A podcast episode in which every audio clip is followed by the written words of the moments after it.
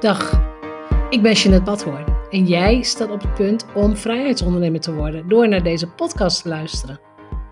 Als bedenker van het merk Vrijheidsondernemer, auteur, mastermind-expert en online ondernemer praat ik over verdienmodellen, ondernemerschap, geld, mindset en persoonlijke ontwikkeling. Hier vind je geen oppervlakkige bla-bla gesprekken en ik doe niet aan hypes. Deze podcast is een combinatie van jarenlange ervaring, ondernemerskennis en identiteitscoaching. Om jou te laten zien dat succes ook voor jou mogelijk is. Als je meer vrijheid en omzet wilt, als je wilt groeien als mens, als je oprecht en authentiek bent, dan is deze podcast voor jou. Ik ben blij dat je luistert. Welkom aflevering 266 en you are in for a treat. Oftewel, ik heb echt een hele leuke aflevering voor je klaarstaan nu. Want in deze aflevering praat ik met Ab Dijksterhuis en hij is hoogleraar psychologie aan de Radboud Universiteit in Nijmegen. Maar hij is ook schrijver en op dit moment een van de invloed, invloedrijkste psychologen van Nederland. Ik praat met hem omdat zijn tiende boek is verschenen en dat boek heet met een prachtig woord Inspiratie. Ondertitel Hoe we tot grootse prestaties komen. Nou, hij heeft daar natuurlijk met een wetenschappelijke bril naar gekeken. En voor hem is inspiratie het fundament van wetenschap, kunst, literatuur, muziek en andere grote prestaties. Hij pakt ontwikkelingen uit neurowetenschap, uit psychologie en brengt die samen met creativiteit, met motivatie, met nieuwsgierigheid en ook de functie van onze hersenen in het algemeen. Nou, we kunnen natuurlijk niet in één podcast dat hele boek gaan bespreken. Dus wat we gedaan hebben in deze podcast is de koppeling maken tussen inspiratie, flow, werken in je zone of genius. En dan, hoe werkt dat voor de zelfstandige ondernemer? Hoe werkt dat voor jou? Dat ankertje, dat, die koppeling hebben we allebei gemaakt. En ik denk echt dat het echt een superleuke aflevering is geworden. Met, nou ja, met veel inzichten voor jou, maar ook met ehm, een soort toestemming van Ab Dijksterhuis en van mij om zodanig te kiezen dat je elke dag gelukkig bent. Ja, dat klinkt heel, heel vaag en zweverig misschien, maar ga maar luisteren en dan ga je erachter komen wat wij bedoelen. Dus ontzettend veel plezier bij deze podcast. Welkom, professor Ab Dijksterhuis. Dankjewel. Professor aan de Radboud Universiteit in Nijmegen. En gelukkig woon ik ook vlakbij Nijmegen, dus ik weet waar het zit. Even ter introductie. En ik was meteen, ik was op slag jaloers. Uh, ergens, of in het boek of in een ander interview, heb ik gehoord. Je wil heel graag schrijver worden. Al, al lange, langere tijd. En op dit moment ben je op een punt in je leven dat het gewoon dat het gelukt is. Dat je heel veel kunt schrijven. Dat klopt. Ja. ja. Ja, nee, ik was toen ik uh, studeerde, zat ik eigenlijk te twijfelen tussen een schrijverscarrière en een wetenschappelijke carrière. En, en, en nu, heb ik, nu doe ik het allebei. Dat heeft wel even geduurd, want ik ben inmiddels 53, maar ja. uh, het voelt heel erg goed. Ja. Maar mensen, dat, voel, dat wou ik ook vragen. Als je dan terugkijkt naar dat kleine jongetje van, nou ja, hè, God, dan, dan duurt het 53 jaar, maar je kijkt naar het jongetje en denkt, ja, het is wel gelukt. Ja. Wat waren daar beslismomenten in? Weet je dat zo nog? Um, nou, eigenlijk, ik heb zelf eerst de keuze gemaakt voor een wetenschappelijke carrière, omdat ik dacht dat dat makkelijker zou zijn. Um, je moet wel hard werken om veel te bereiken in de wetenschap, maar het pad dat je aflegt is wel vrij duidelijk. Je weet wat je moet doen. En als schrijver, ja, wat doet een jonge schrijver? Die schrijft een boek en die wordt afgewezen bij een uitgever. En dan gaat hij naar een andere uitgever en dan wordt hij weer uitgelachen. En ik zag dat wat minder concreet voor me. Dus ik ben begonnen uh, met een wetenschappelijke carrière. En toen op een gegeven moment, uh, ja, dus zo zie je dat dingen soms ook toevallig tot stand komen. Of misschien niet helemaal toevallig, maar dat je, dat je, dat je ook uh, soms op een driesprong komt die, die je niet zelf hebt aangelegd. Um, toen kwam Mai Spijkers, de directeur van Prometheus, zelf naar mij toe. Dat was op het moment dat ik een wetenschappelijke prijs had gekregen in Amerika en het NRC pakte vrij groot uit. En die zei: Wil je geen boek schrijven over, wat je, over jouw onderzoeksgebied? Ja. En dat heb ik gedaan. En toen, toen kwam die oude liefde wel weer boven. En toen, toen merkte ik ook dat het inderdaad uh, ontzettend leuk was om met een boek bezig te zijn. Om met iets bezig te zijn wat een wat langere adem vergt dan ja. uh, alleen maar een wetenschappelijk artikel. Maar ik vind het wel mooi. Want je zegt van dan is het toevallig, of dan lijkt het toevallig. Dat is nou ook wat ik uit het boek Inspiratie heb gehaald. Uh, mm -hmm. Dat hele grote dingen, grote dingen in mensenlevens, helemaal niet toevallig zijn. Want je hebt er hard voor gewerkt, je hebt gekozen en je pakt de kansen. Ja, je pakt de kans, maar je, je bent ook soms wel. Uh, het is vaak een interactie tussen wat, wat jij wilt, deep down, zonder dat je daar altijd bewust van bent, en wat mm -hmm. de omgeving je aanreikt. Hè? Dus in het boek staan ook veel voorbeelden van mensen die, die hun roeping vinden, die, die ineens weten wat ze met hun leven moeten doen. En daar heb je vaak je omgeving wel voor nodig. Ja. Um, je kunt, hè, een mooi voorbeeld, Robert Smith, die David Bowie op televisie zit, ziet en denkt: hé, hey, ik wil ook rockster worden. En ja. nou, inmiddels is The Cure, uh, ze zijn in de zestig en ze zijn nog steeds aan het toeren. Ja, dat nou, zou het natuurlijk best kunnen dat. Het... Toch? Met die zwarte haren en zo. Ja, ja precies. Ja, die heb ik wel nou, zou het natuurlijk best uh, kunnen dat hij over een paar jaar, als, als, het, dat, als dat niet was gebeurd, en hij een paar jaar later iets anders had meegemaakt, waardoor het alsnog was gebeurd. Maar. Uh, soms heb je de omgeving wel nodig om, om in te zien wat jij met je leven moet doen. Ja, dat herken ik. Dus de, zeg maar, de kracht van de omgeving is ontzettend belangrijk voor je, voor je ontwikkeling. Ja. En ik maak ook heel graag even een paar ankertjes tussen, nou ja, tussen wat ik doe, wat jij doet. Um, mijn zelfstandige ondernemers, mijn luisteraars, hebben dat ook heel erg nodig. Want als jij, ja. als jij gelooft in een grote droom, of je denkt, ja, ik wil dit doen, of ik wil zoveel geld verdienen. En iedereen in jouw familie of je omgeving zegt, ja, dat lukt je nooit, dat kun jij niet, of wie ben jij om dat te doen?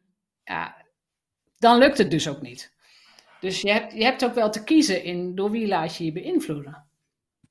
Ja, nou ja, in het, in, in het, in het boek Inspiratie maak ik eigenlijk uh, onderscheid tussen drie verschillende vormen. Hè? Dus, dus de eerste, de roeping, daar hebben we het net over gehad. Ja. En daar heb je vaak wel, uh, dat komt evocatie. tot stand. Ja, de evocatie, Mhm. dat komt eigenlijk altijd tot stand in interactie met je omgeving. Of in ieder geval meestal. Bij eh, de tweede vorm, dat is meer het idee of de inval. En daar, dat heb je grotendeels zelf in de hand. Dat is, je, moet, je moet doelen stellen, je moet heel hard werken. En, um, en je, moet, je moet inderdaad, en daar doel jij denk ik op, je moet heel veel doorzettingsvermogen Mhm. hebben. Want de een meer dan de ander hoor, maar, maar soms werkt je omgeving absoluut niet mee. Maar ja, weet je, de, de Beatles, uh, bij de Beatles werden de eerste platencontracten ook allemaal afgewezen. Omdat, omdat de maatschappijen zeiden van ja, weet je, vier mannen met een gitaar bent en zo. Dat is allemaal helemaal uit, er wordt niks. En, Mhm. uh, dat klopt, je omgeving werkt niet altijd mee. Ik weet dat, uh, dat is een beroemd verhaal van Obama, Barack Obama, die ooit tegen zijn omgeving zei van ik zou eigenlijk wel president van Amerika willen worden. Nou, dat was een zwarte advocaat. Ja, Die werd natuurlijk aan alle kanten uitgelachen. ja. Maar uh, het is hem wel gelukt. Het is hem wel gelukt. En als we het heel klein maken, hoe zorg jij ervoor dat, dat je, als je een groot doel hebt, of nu ook al hebt gehaald, hè, want wij zijn allebei al 50 plus, maar hoe zorg jij ervoor dat je daarin blijft geloven, dat je, dat je het blijft doen? Ik denk dat ik elke keer weer nieuwe doelen stel. Dus ik heb natuurlijk wel, als ik, ik, ik heb inspiratie, mijn laatste boek is mijn tiende inmiddels. Het komt natuurlijk wel eens voor dat ik een boek schrijf waarvan ik eigenlijk meer had verwacht. En niet bijvoorbeeld qua, uh, hè, als ik kijk naar hoe het ontvangen wordt of hoeveel exemplaren er verkocht Mhm. worden. Maar ik, ik zet me er altijd heel snel weer overheen. Ik, uh, ik, ik weet dat ik me wil ontwikkelen, dat ik een steeds betere schrijver wil worden. En als het ene boek uit is, ben ik eigenlijk alweer bezig met de volgende. Um, dus ik, ik sta heel weinig stil bij uh, dingen die, die misschien toch eigenlijk een beetje tegenvallen. En schrijf je dan ook a priori voor jezelf? Omdat je die, die drang hebt? Nou, ik schrijf wel met het idee, ik schrijf wel om mezelf te ontwikkelen en om een steeds betere schrijver te worden. En als, Ja. ik, een, als ik een populair wetenschappelijk boek schrijf, dan, dan schrijf ik wel voor, eh, voor iemand die, die het gaat lezen, maar dat is vrij abstract. En dat is ook eerder een, een, eh, een vriend of zo, Ja. of een vriendin, dan, dan iemand uit het algemene publiek. Ja, ik vond het wel mooi wat je zei, van, hè, dat je dat boek schrijft omdat je jezelf ook wil ontwikkelen. Mhm. En dat, dat is ook, ik heb heel veel met auteurs gesproken in, in de podcast, maar dat hoor ik van heel veel auteurs. Als je het op papier wilt zetten, dan moet je het goed snappen en dan moet je weten, nou ja, dan moet je ook allerlei side, side effecten weten. Je moet weten waar je het over hebt. Ja. En, ja. ja, zeker. Ja. En het is ook alleen maar leuk, denk ik, als je eh, jezelf steeds probeert te verbeteren. Of in ieder geval dat je. Uh, ik, doe ook, ik werk ook met verschillende genres. Ik heb zelfs een kinderboek geschreven. Dat je elke keer iets nieuws probeert. Hè? Dat, je niet, dat je niet in de verleiding komt om steeds hetzelfde boek te schrijven. Ja, dat, dat snap ik inderdaad. Maar ja, dat, het moet ook misschien in zitten. Dat, dat je iets nieuws wilt. Dat je een nieuwe prikkel nodig hebt. Of nou, sommige mensen hebben dat meer dan anderen. En ik denk wel dat het bij uh, dat het een eigenschap is die ondernemers, hè, dus jouw publiek, wel helpt. Niet voor, Het geldt niet voor iedereen, inderdaad. Nee. Dat, hoeft niet. Maar voor sommige mensen wel. En ik denk voor de meeste ondernemers is het wel belangrijk. Ik heb uh, heel veel ondernemers die vallen dan in, in de ideeënrange. Dus ik, als ik ze ga typeren, en dat is natuurlijk grofmazig. Maar het zijn ondernemers die heel veel ideeën hebben, veel prikkels nodig hebben, veel mensen nodig hebben. Dus ja dan is het logisch dat je, dat je daar ook een soort schifting in aan kunt brengen. Wat is levensvatbaar? Waar kan ik mijn business ja. op bouwen? Dat is echt super belangrijk. Als we teruggaan naar het boek. Het begint met een roeping. En het ja. inspiratie. Het is voor iedereen een aanrader. Het is, het is best een dik boek, maar ik heb het uh, in de trein naar Parijs en uit Parijs. Ik heb het gewoon uit kunnen lezen in, een, uh, nou, in twee ritten. Nou, dus zo dik is het ook weer niet. Nou, ik lees heel snel. ik lees echt heel snel. Maar ik, vind het, ik hou ook van lezen, dus voor mij is het. Uh, ik vind in een trein lezen ook het leukste wat er is als ik maar lekker zit. Want dan kan ik me gewoon lekker opsluiten en dan kom ik er wel. Ja, herkenbaar. Ja, moet vaak op reis gaan. Ja. Dat doen we ook. Um, dus het begint met die roeping. En roeping is natuurlijk een woord wat heel, heel erg vanuit de kerk is gekomen, volgens mij vroeger. Ik vind het woord evocatie ook mooier, maar dat snapt dan weer niemand. Denk ik. Ja, dat, ik gebruik het in het boek door elkaar. Ja, dat is een heel mooi woord, maar inderdaad, ik weet niet of iedereen snapt wat het is. Dat, nee. Zou je, ja. nee, ik noem het heel vaak een soort innerlijke drang. Er moet iets uit. Er moet, je wilt iets neerzetten en nou, daar, daar kunnen de meeste ondernemers ook wel uitkomen. Ja, waarom doe ik wat ik doe? En dat is vaak mensen beter maken, de wereld beter maken. Nou, allemaal mooie redenen. Maar daarna komen die hoofdstukken. En die vind ik wel essentieel om, om gewoon op je pad te blijven. Hè? Mhm. Daarna gaat het over motivatie, concentratie, stimulatie, incubatie. Die vond ik ja. leuk. Kun je eens wat highlights noemen uit die hoofdstukken waarvan je denkt: hé, hey, zo had ik het zelf niet ingeschat? Of juist heb je iets bevestigd gezien wat je al in jezelf hebt gevoeld? Wat bedoel je precies? Want uh, dingen die ik niet had, die staan niet in het boek. Ik, eh, ik schrijf natuurlijk over de dingen die ik, die ik wel. Uh... ding, dus laat ik het zo zeggen. Het is, het is een onderwerp, dus alles rondom motivatie en concentratie. We hebben er allemaal wel een soort ervaring mee of een mening over. De een kan zich helemaal verliezen in, weet ik veel, in, in een borduursel en een ander wil een auto bouwen. Mhm. Wat dan ook. Maar bij N is één is het altijd je eigen ervaring. En er ja. is maar één iemand. Ja. Ik kan me voorstellen, als je er met een wetenschappelijk oog naar gaat kijken, dan dwing je jezelf om sowieso allerlei studies in te duiken. Ja. Misschien ook met collega's te praten. En dat er andere inzichten gaan komen van hé, hey, andere mensen doen het anders. Of zo had ik er nooit naar gekeken. Ja, nou, het, het is wel, ik denk wel dat het, dat de, de, het, het, onderzoek dat ik zelf heb gedaan en de gesprekken met andere mensen, die, die, die bevestigen vaak wel ongeveer uh, wat, ik, wat ik van tevoren denk. Maar sommige dingen uh, zijn ook wel uh, enigszins verrassend. Ik, ik, coaches en, en, en HR-managers en dat soort mensen die zeggen altijd dat als je je doelen stelt, dat die smart moeten zijn. Hè? Ze ja, moeten haalbaar zijn en klein en concreet. En, ja, nou, dat, realistisch. Dat, ja. ja, en als je als je echt veel wil bereiken, dan moeten ze dat juist niet zijn. Dan moet je hele grote doelen stellen. een beetje Steve Jobs-achtig van we willen het beste product in de wereld maken en dan eigenlijk nog net iets beter. Ja. En je ziet dat mensen die uiteindelijk heel ver komen, die, die, uh, en dat geldt ook voor hele succesvolle ondernemers, die stellen helemaal geen kleine doeltjes. Hè? Die, die stellen hele grote doelen. Ja. Uh, verder is het zo dat hoe, hoe sterker het doel, hoe beter het is. Hè? Je, moet, je moet het eigenlijk zo zien, je bent een soort kapitein op een schip. En er zijn allemaal mensen in het ruim bezig die, die, uh, die dat schip op koers houden. En uh, um, de, die, die mensen in het ruim, dat is eigenlijk jouw brein. Al die onbewuste processen in het brein die ook een rol spelen. En hoe meer jij iets wil, hoe groter het deel van je brein is dat jou meehelpt om je doel te bereiken. En daarom heb je sterke grote doelen nodig. Ehm, en wat verder nog belangrijk is, is dat, dat je ook intrinsiek gemotiveerd moet blijven. Dus ik gebruik in het boek het voorbeeld van Marco Pierre White, een, een, een ongelooflijk goede topchef uit Engeland, die ook al heel vroeg heel succesvol was en ook nog een, nog een enorme opvallende persoonlijkheid die veel te hard werkt. En die, die, zijn, dieet bestond geloof ik uit marsen en, en Marlboro en af en toe ja. koffie. En Op een gegeven moment wordt hij natuurlijk ook een keer ziek. Maar die, die, eh, die, die is, wordt de jongste chef in Engeland die ooit uh, drie Michelin-sterren heeft gehaald. En dan op een gegeven moment dan merkt, geeft hij die, is hij eigenlijk klaar. En dan vindt hij het ook helemaal niet meer leuk. Dan geeft hij die sterren terug.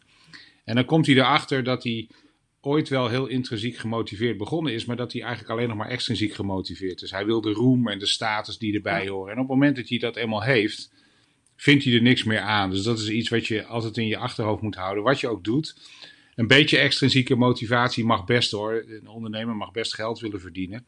Maar als dat het enige doel is, dan gaat het met eigenlijk vrij snel mis. Je moet, je moet geloven in wat je doet en je moet, je moet oprecht bezig zijn met, met, een, met, met een product of met een. En zolang je dat doet, dan mag er best wat extrinsieke motivatie bij komen, maar niet te veel. Het mag niet de intrinsieke motivatie opeten. En op welk moment. Want dat van die chef is natuurlijk een heel krachtig voorbeeld. Hè? Dus die ja. merkt, oh, nu werk ik alleen nog maar voor de sterren. Ehm, ondernemers kijk, je zou het heel plat kunnen zeggen, op het moment dat je merkt van, oh, nu werk ik alleen nog maar voor het geld, Mhm. Dan zeg jij heroverweging. Ga terug naar je calibratie. Ga terug naar waar deed je het voor? Ja, uh, ja, absoluut. En ik denk ook dat als je, als je echt op een gegeven moment de conclusie trekt dat je het alleen maar doet voor het geld, dan hou je het ook echt niet meer zo lang vol. Hoor. Je, je kunt ook dat kalibreren proberen niet te doen, maar je komt jezelf een keer tegen. Ja, nou ja. En dat geldt eigenlijk voor alle extrinsieke motieven. En er zijn natuurlijk beroepen waarbij die. Ehm, waarbij die extrinsieke beloningen heel erg op de loer liggen hè, in de politiek. Want dan, dan komt er bijvoorbeeld roem bij. En je ziet ook dat heel veel mensen in, uh, in de politiek... die beginnen oprecht met, met een hart voor de publieke zaak. En, en op een gegeven moment, na 15 jaar, merken ze eigenlijk dat ze, ja, dat ze verslaafd zijn aan, uh, aan, aan de, de extrinsieke prikkels die bij, bij het vak horen. En dan willen ze ook mhm. niet meer weg, terwijl ze eigenlijk plaats zouden maken voor jongeren. Nou, dat is bij sommige beroepen ligt dat meer op de loer dan bij anderen. Bij ondernemers valt het mee, maar je hebt natuurlijk wel altijd het geld. Ondernemers kunnen soms in één keer een flinke sprong maken als iets heel goed gaat. En dat voelt natuurlijk heerlijk. Maar dat moet altijd een soort beloning blijven en nooit het doel op zich. Nee, ik herken het ook helemaal. Zodra je het alleen maar voor het geld doet, dan, dan weet, weet niet, dan, dan krijg je gezeik. Uiteindelijk krijg je gezeik. Of met jezelf, of met je klant, of nou, wat dan ook.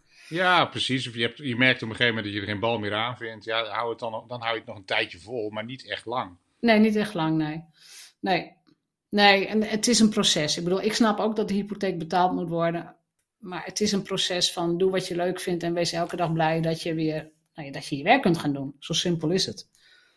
En ik moet af en toe even mijn bril op, want ik kan, anders kan ik het niet meer lezen. Ik heb aantekeningen gemaakt. Ja. Uh, want bij het, het hoofdstuk uh, concentratie het, want je zei het al kort, hè, jezelf willen verbeteren. Ja. Dat, dat, dat is eigenlijk een doel in zichzelf, vind ik. Dat, dat schrijven mensen niet vaak op als doel, maar ik, ik zou het zo fijn vinden als mensen dat wel gingen doen. Ja, ik ben het met je eens. Ja, kijk, ik denk een belangrijk uitgangspunt van het boek, behalve het verklaren van, van uh, inspiratie, momenten van inspiratie, is ook om, om, laten we maar zeggen, gewone mensen zoals wij te laten leren van mensen die hele extreme prestaties hebben geleverd. Ja. En daar zie je dat, dat uh, mensen die heel ver komen, die hebben allemaal een paar overeenkomsten. Eén, ze werken keihard, hoewel ze, ze nooit zelf zullen, zullen zeggen: ik werk te hard, want ze vinden het leuk wat ze doen. Het tweede is, ze willen zichzelf continu ontwikkelen. En het derde is, en dat, dat is vaak zo, dat is niet bij allemaal even sterk hoor, maar dat ze vaak ook wel een beetje monomaan zijn. Dat ze weinig tijd verspillen aan dingen die niet uh, in dienst staan van hun doel. Wat ze voor hun omgeving niet altijd even makkelijke mensen maakt. De een is natuurlijk veel extremer dan de ander. Sommigen waren heel extreem. Newton, uh, het, boek, het, boek, opent met Newton, de, de grootste wetenschapper ooit, denk ik. Ja. ja. dat was absoluut geen prettige man. En, en zo waren er wel meer. Ehm, maar ik denk, ik denk wel dat dat een belangrijke uh, boodschap is. Zeker voor, ik denk voor, zeker voor, uh, voor, ook voor ondernemers, maar ook bijvoorbeeld voor allerlei managers, in, in, zeker in, in het middensegment. Uh, het lijkt soms wel alsof wij, dat komt door alle moderne communicatiemiddelen, dat de afstand zo kort is geworden dat wij elkaar continu lastigvallen met allerlei uh, dingen. E-mail is tegenwoordig een soort to-do-lijst waar andere mensen dingen opzetten. En het, het zou ons wel helpen, denk ik, of in ieder geval sommige mensen zou het helpen, mm.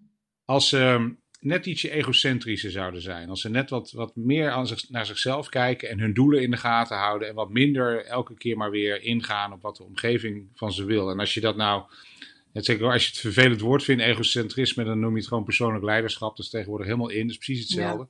Ja. Maar die, die, die, dat zie je wel bij, bij mensen die, die echt heel veel bereikt hebben. Uh, en dat zijn helemaal niet allemaal onaangename mensen hoor. Einstein is, is, een mooi voorbeeld. En dat was zeker in de tweede helft van zijn leven een buitengewoon leuke man. Maar die, die, zijn, die hebben dat allemaal wel een beetje hoor. Die, die kunnen allemaal heel goed nee zeggen van nu even niet. Nu ga ik een week denken, nu ga ik een week doen waar ik zin in heb. Dat vind ik belangrijk. Nu wil ik dit en dit doen. En jammer dan omgeving. Ik, ik vind het ook uiterst belangrijk dat je dit zegt. Mooi. Nee durven zeggen. Want ik weet dat het voor mijn luisteraars een dingetje is. En, eh, ja. En ik zeg ook heel vaak gewoon ontsla die klanten. Of trek je er niks van aan. Of wat dan ook. Ja. Uh, dus echt heel erg belangrijk. En dan kun je nog steeds aardig zijn, dat klopt. Je kunt nog steeds liefdevol nee zeggen. Twee andere dingen uit dat hoofdstuk vond ik ook heel belangrijk. Als je jezelf wilt verbeteren, is het actief op zoek gaan naar feedback. Ja. Dus feedback willen krijgen. Ja. Hoe heb jij dat in je leven ingebouwd? En, um, angst heen van, oh, nu vinden ze wat van mij. Nou, dat, dat is een goede vraag. Ook, ook voor mijn persoonlijke geval. In de wetenschap is het, uh, is het makkelijk. Want eerst je, je leert het eigenlijk op een ouderwetse manier van de, de baas met zijn gezel. Hè? Je, hebt, je hebt een promotor die, die eh, jou begeleidt en, en vaak nog wel meer mensen in een team. Maar in de wetenschap werk je sowieso altijd in teams. En als jij een artikel schrijft, dan wordt dat beoordeeld. Dus, dus je hebt eigenlijk continue feedback. Uh, als schrijver merk ik wel, is het lastiger. Um, en zeker bij een populair wetenschappelijk boek, zoals, zoals Inspiratie, valt het nog wel mee, omdat ik inmiddels dat een paar keer gedaan heb. En ik weet, ja, dat klinkt een beetje arrogant, maar ik weet gewoon wel dat ik dat kan. Want ik heb ook eerder boeken geschreven die, die, die uh, goed ontvangen werden. Maar ik heb inmiddels ook een roman geschreven en mijn tweede roman is inmiddels af. Ja, dat is, dat is als, alsof je geblinddoekt op een, voor het eerst in je leven op een paard zit. Weet je, je, ja. je en daar is het heel erg lastig. En dan vraag ik wel, uh, ik vraag aan andere mensen soms of ze iets willen lezen. Maar dat doe je natuurlijk ook niet, dat doe je ook niet zo snel. Want een iemand, je vraagt dan toch een tijdsinvestering van een aantal uren. Ja. Um, dus dat is inderdaad. Voelt het ook kwetsbaar? Voelt het ook bloot? Uh, ja. Ja, ja dat, dat, dat, is, dat hoort bij het schrijverschap. Als je ja. dat, dat is een van de eigenschappen die je. Uh, een van de dingen waar je tegen moet kunnen als je schrijver wilt ja. worden. En net zo goed als dat als jij begint als ondernemer, dan moet je een bepaalde mate van onzekerheid aankunnen. Anders moet je gewoon in een grote organisatie en, uh, met, met, een, met een keurig pensioenplan uh, een baan gaan zoeken. En dan een ja. baan, ja. Neem dan ja, en bij schrijven hoort die kwetsbaarheid hoort erbij. Ja. Dat geldt zelfs voor populair wetenschappelijke boeken, maar als je een roman schrijft, is het natuurlijk nog veel erger.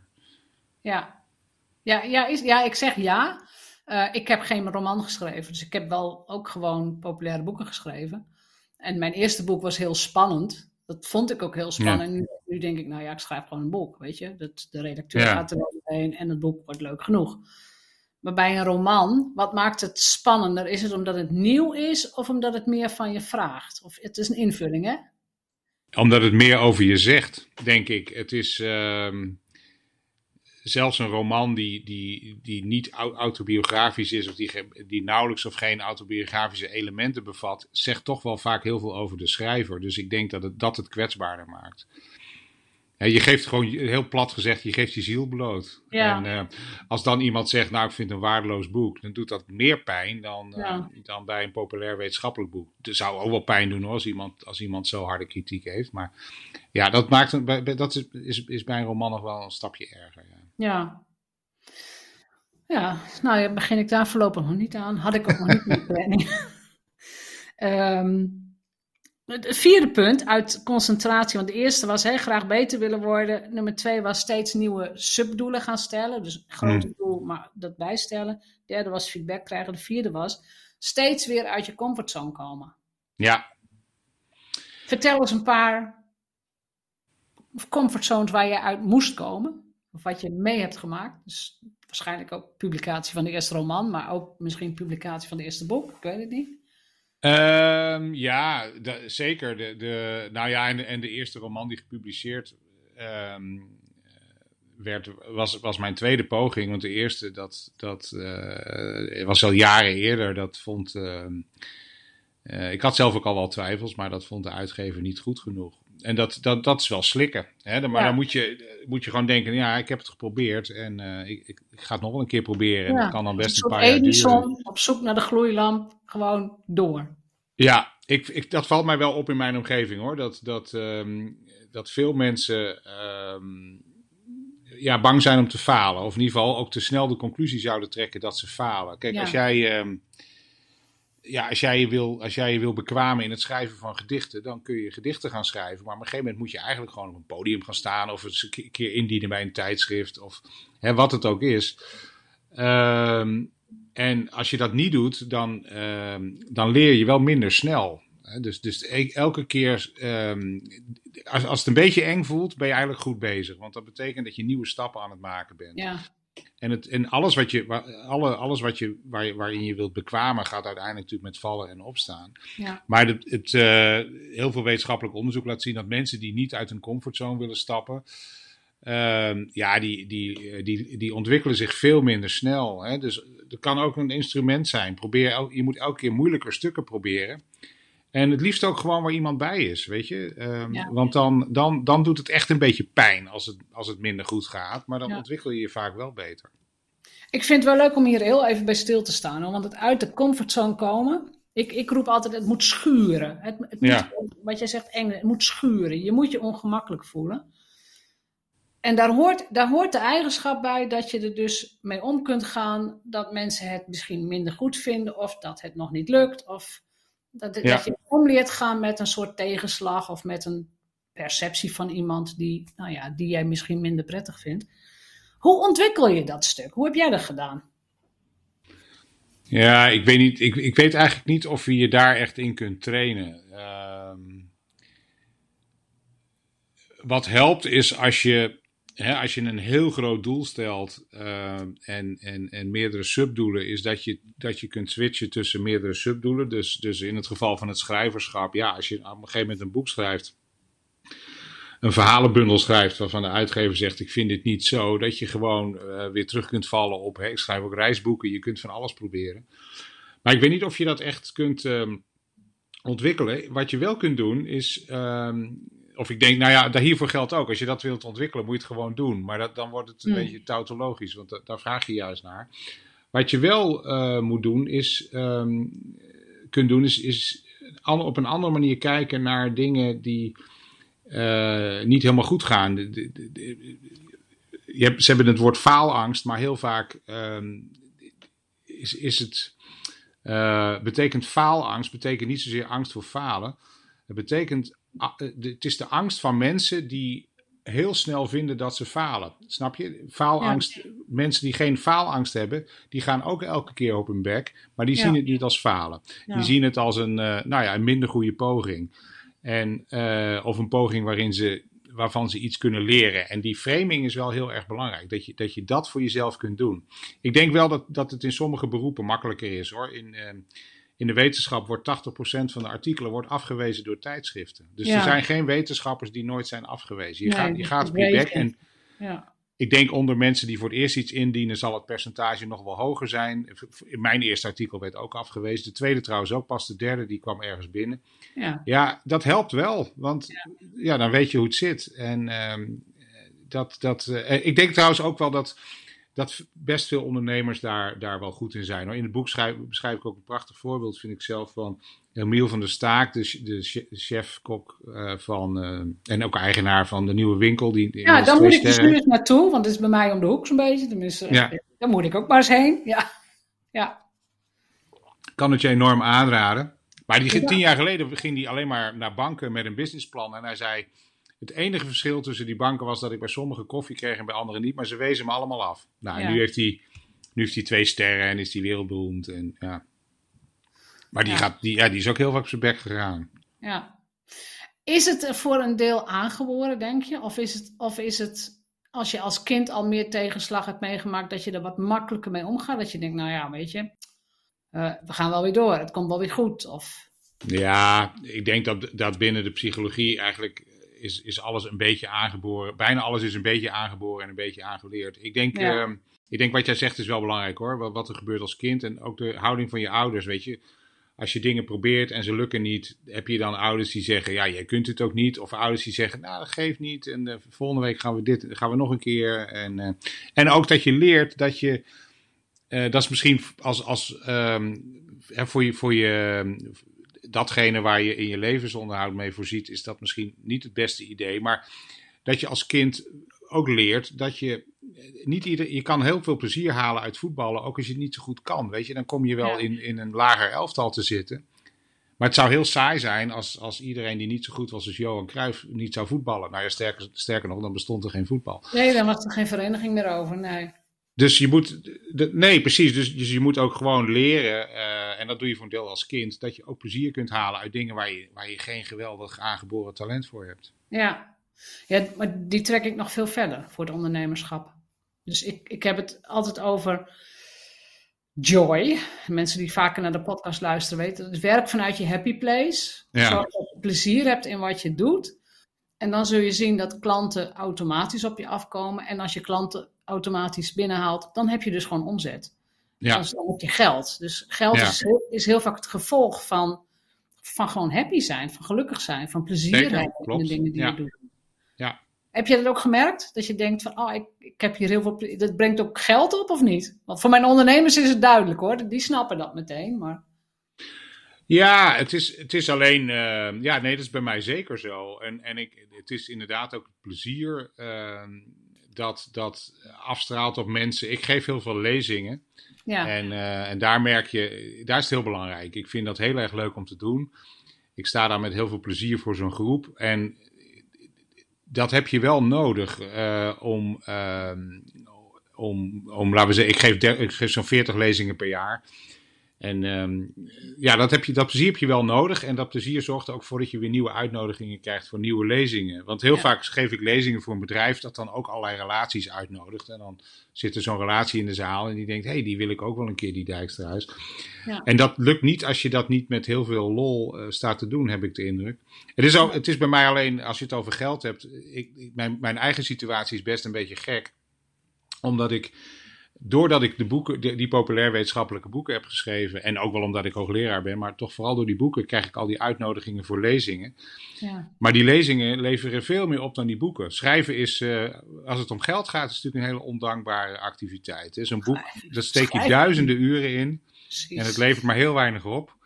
Dat Ja. moet je wel heel leuk vinden, want anders blijf je het natuurlijk niet doen. En die lezingen vind ik gelukkig ook heel leuk, maar wat je daar in een uur verdient, dat, dat is echt even heel iets anders dan ja, schrijven. dat klopt. Daar moet je ontzettend veel boeken voor verkopen. Ja. Moet je heel veel boeken voor verkopen. Ja. Ja. Volgens mij was het Jos, Jos Burgers die dat ooit zei. Hè? Dat is die ook hè, veel boeken en Ja. veel lezingen.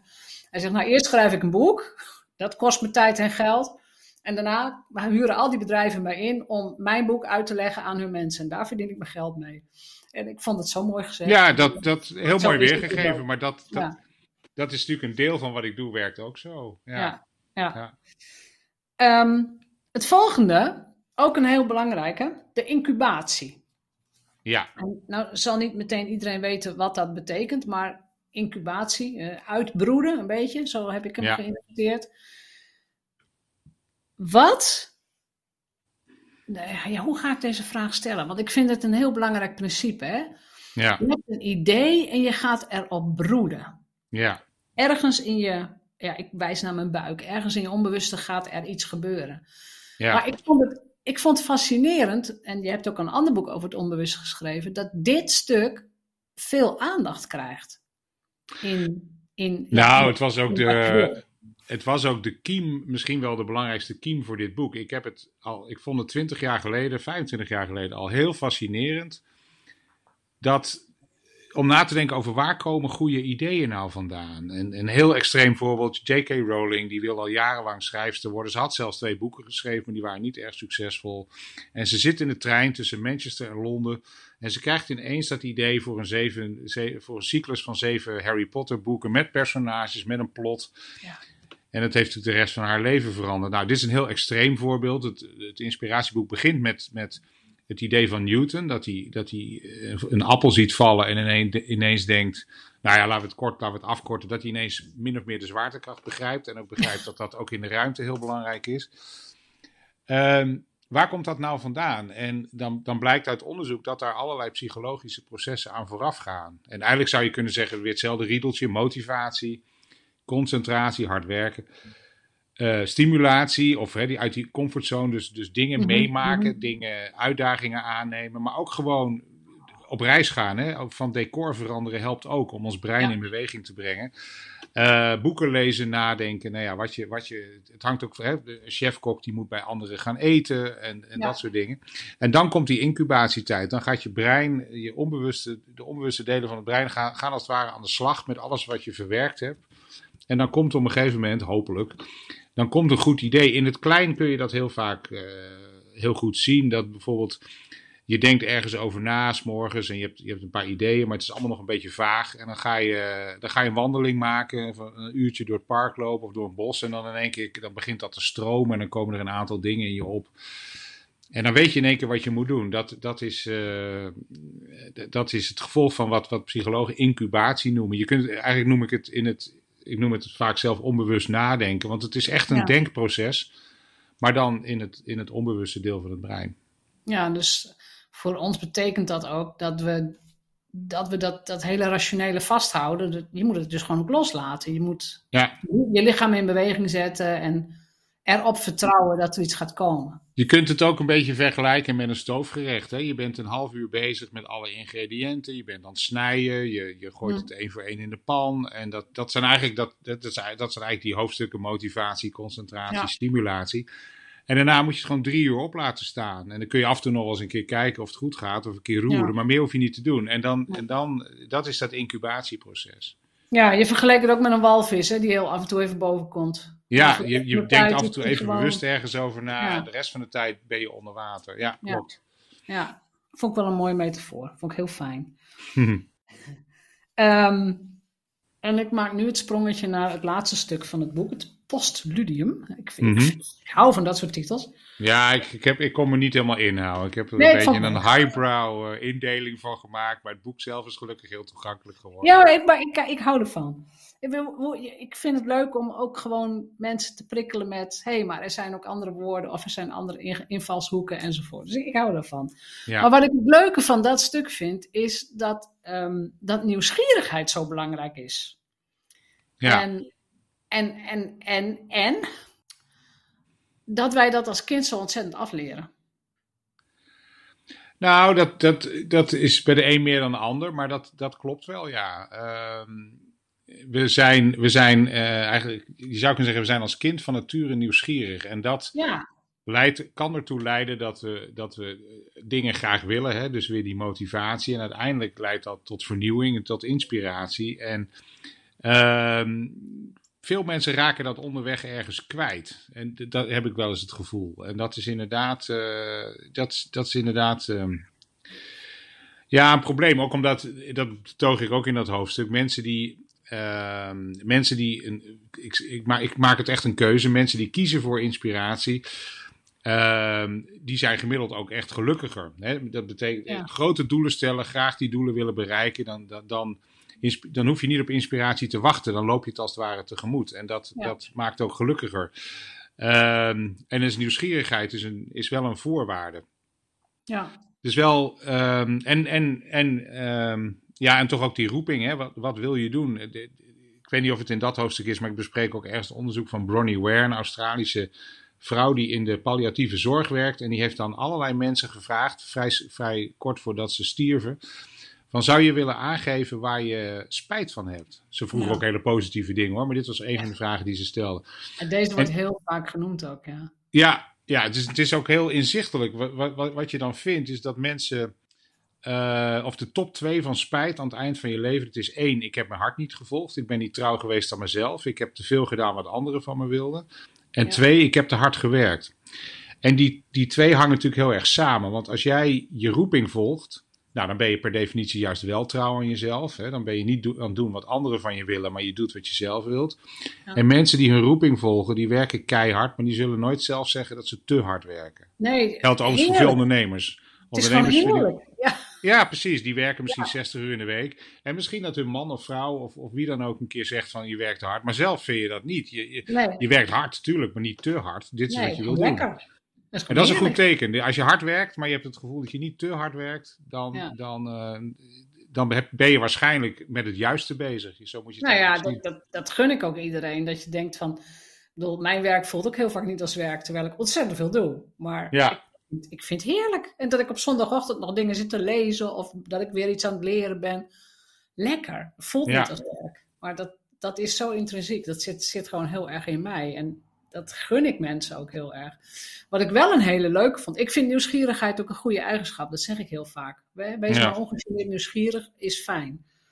Maar wat ik heel leuk vind, is dat je ook zegt, ja, hoe meer je weet, hoe nieuwsgieriger je gaat worden. Dus ook dat is een, een soort, nou ja, zo'n spiraal omhoog eigenlijk. Ja, er is best veel onderzoek dat dat laat zien. Dus als je als je, je, meer, als je je ergens meer in verdiept, dan, eh, ja, dan wil je juist steeds meer weten. Ja, Hè, dus een heel plat voorbeeld. Als jij eh, van de 27, er zijn 27 landen in de EU. Als jij 23 hoofdsteden zou weten, dan wil je die laatste vier ook weten. Terwijl als je maar een paar hoofdsteden weet, dan ben je daar helemaal niet in geïnteresseerd. En dat betekent ook, mensen die zich ergens in verdiepen, die willen, die willen vaak steeds, eh, steeds meer. Dat is eigenlijk heel mooi inderdaad. Dat betekent als jij je roeping volgt, dan, dan kom je eigenlijk vrij snel op het punt dat, dat, je daar ook geen moeite meer voor hoeft te doen. Dat gaat vanzelf. ja. Hè, je, dat is een soort, inderdaad een soort spiraal omhoog. Het is een soort vliegwiel. ja, want je zoekt de goede mensen op, de mensen waar je inspiratie van krijgt. Je zoekt de goede boeken op, of, of de films, of de wat dan ook. Maar je zorgt dat je jezelf voedt daarin. Ja, en Ja. mensen, dat is ook heel duidelijk, mensen die, die heel goed weten wat ze willen, die, eh, die hun roeping volgen, die kunnen ook veel meer beslissingen op intuïtie nemen. Als jij weet wat je wil, dan hoef je over heel veel dingen niet na te denken. Dus Nee. het spaart ook nog heel veel tijd, zou je kunnen zeggen. Ja. Dat is eigenlijk een- een heel efficiënte manier van, eh, van heel leven. Precies, een efficiënte manier van leven en van ondernemen. Zijn er nog laatste dingen die jij de zelfstandig ondernemer wil meegeven vanuit jouw perspectief, vanuit de dingen die je mee hebt gemaakt? Nou, ik, ik, ik, ik, ehm, ik zou zeggen, eh, ge- ge- geloof in wat je doet. En, ehm, en blijf dat doen, ook als, als je omgeving eh, daar wat, wat, wat anders misschien, of als je het idee hebt dat je daar niet altijd in gesteund wordt. En, ehm, en werk keihard. En dan komt de beloning inspiratie, dus, dus in de vorm van, van goede ideeën, goede ideeën die jou verder brengen en die vaak zelfs, in sommige gevallen zelfs heel veel mensen eh, verder brengen. Eh, die kun je voor een deel afdwingen. Dat is niet iets, dat is geen toeval, dat is geen geluk. Dat is iets wat je, wat je, wat je tegemoet kunt lopen door de juiste stappen te zetten. Ehm, en, ehm, en, een, en, en ja, daar is, daarvoor is het heel belangrijk dat je blijft geloven in wat je doet. Dat je, dat je hard blijft werken. En dan, dan komt die beloning wel. Hè? Dus, Ja. dus dat, dat, en ik denk dat, eh, ik, je zou bijna zeggen, dat is een wijze levensles voor iedereen. Maar ik denk vooral voor, eh, voor ondernemers die toch altijd ehm, in een, in een minimaal deels volstrekt on- onzekere toekomst kijken, hè, een beetje iets blauwe hinein, is dat geloof is belangrijker dan iemand die in een vast dienstverband werkt en, en verder veel minder verantwoordelijkheden heeft. Dus die, die, Ja. dat geloof is belangrijk. En eh, ja, mocht iemand mijn boek lezen, ik hoop dat dat, dat, dat ook, eh, dat vooral ook de voorbeelden die erin staan, die kunnen best af en toe een beetje intimiderend zijn, want dat zijn niet de minste mensen. Maar dat Ja, die voorbeelden zelf ook Steve inspirerend zijn. Of een, eh, wat dan ook. Dat zijn Nee, het gaat niet alleen maar over Newton of, eh, of Mozart, maar, maar, wel, Nee. maar, maar die, die hadden dat ook allemaal. Je, je gelooft in wat je doet en je gaat Ja. door. Ja. Ja, ja en, dan, en dan een vleugje egocentrisme eroverheen. Ja, je, mag, je moet niet te veel tijd verspillen aan dingen die jouw doelen niet, niet dienen. Dat, dat, Nee. eh, nee. Nee, nee, dat vind ik ook een van de beste afsluitingen. Noem het gewoon persoonlijk leiderschap. Hè? Dan, We doen dan klinkt, het, dan persoonlijk klinkt het beter, eh, maar het is precies hetzelfde. Ja, dat, dat gaan we gewoon doen. Dat, dat doen we al. Ja. Mag ik je hartelijk bedanken voor het interessante gesprek. Ik kan nog uren doorgaan, want je hebt nog veel meer boeken. Maar voor nu, prachtig, een prachtig overzicht ook van het boek.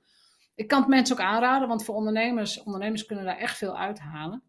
Al is het maar ehm, dat ze eigenlijk toestemming van jou krijgen om, nou, om dat persoonlijk leiderschap te pakken en Ja. te gaan voor wat ze echt belangrijk vinden. Ja, precies. Dus dankjewel. Graag gedaan. Dank voor de uitnodiging. Bedankt voor het luisteren naar de Vrijheidsondernemers Show. Geef de show een review op Apple of Spotify. Als vrijheidsondernemer werk je waar, wanneer en met wie jij wilt. En dat gun ik jou ook. Ik weet dat het kan en bij de juiste keuzes is vrijheid voor jou ook mogelijk. Dus op jouw vrijheid.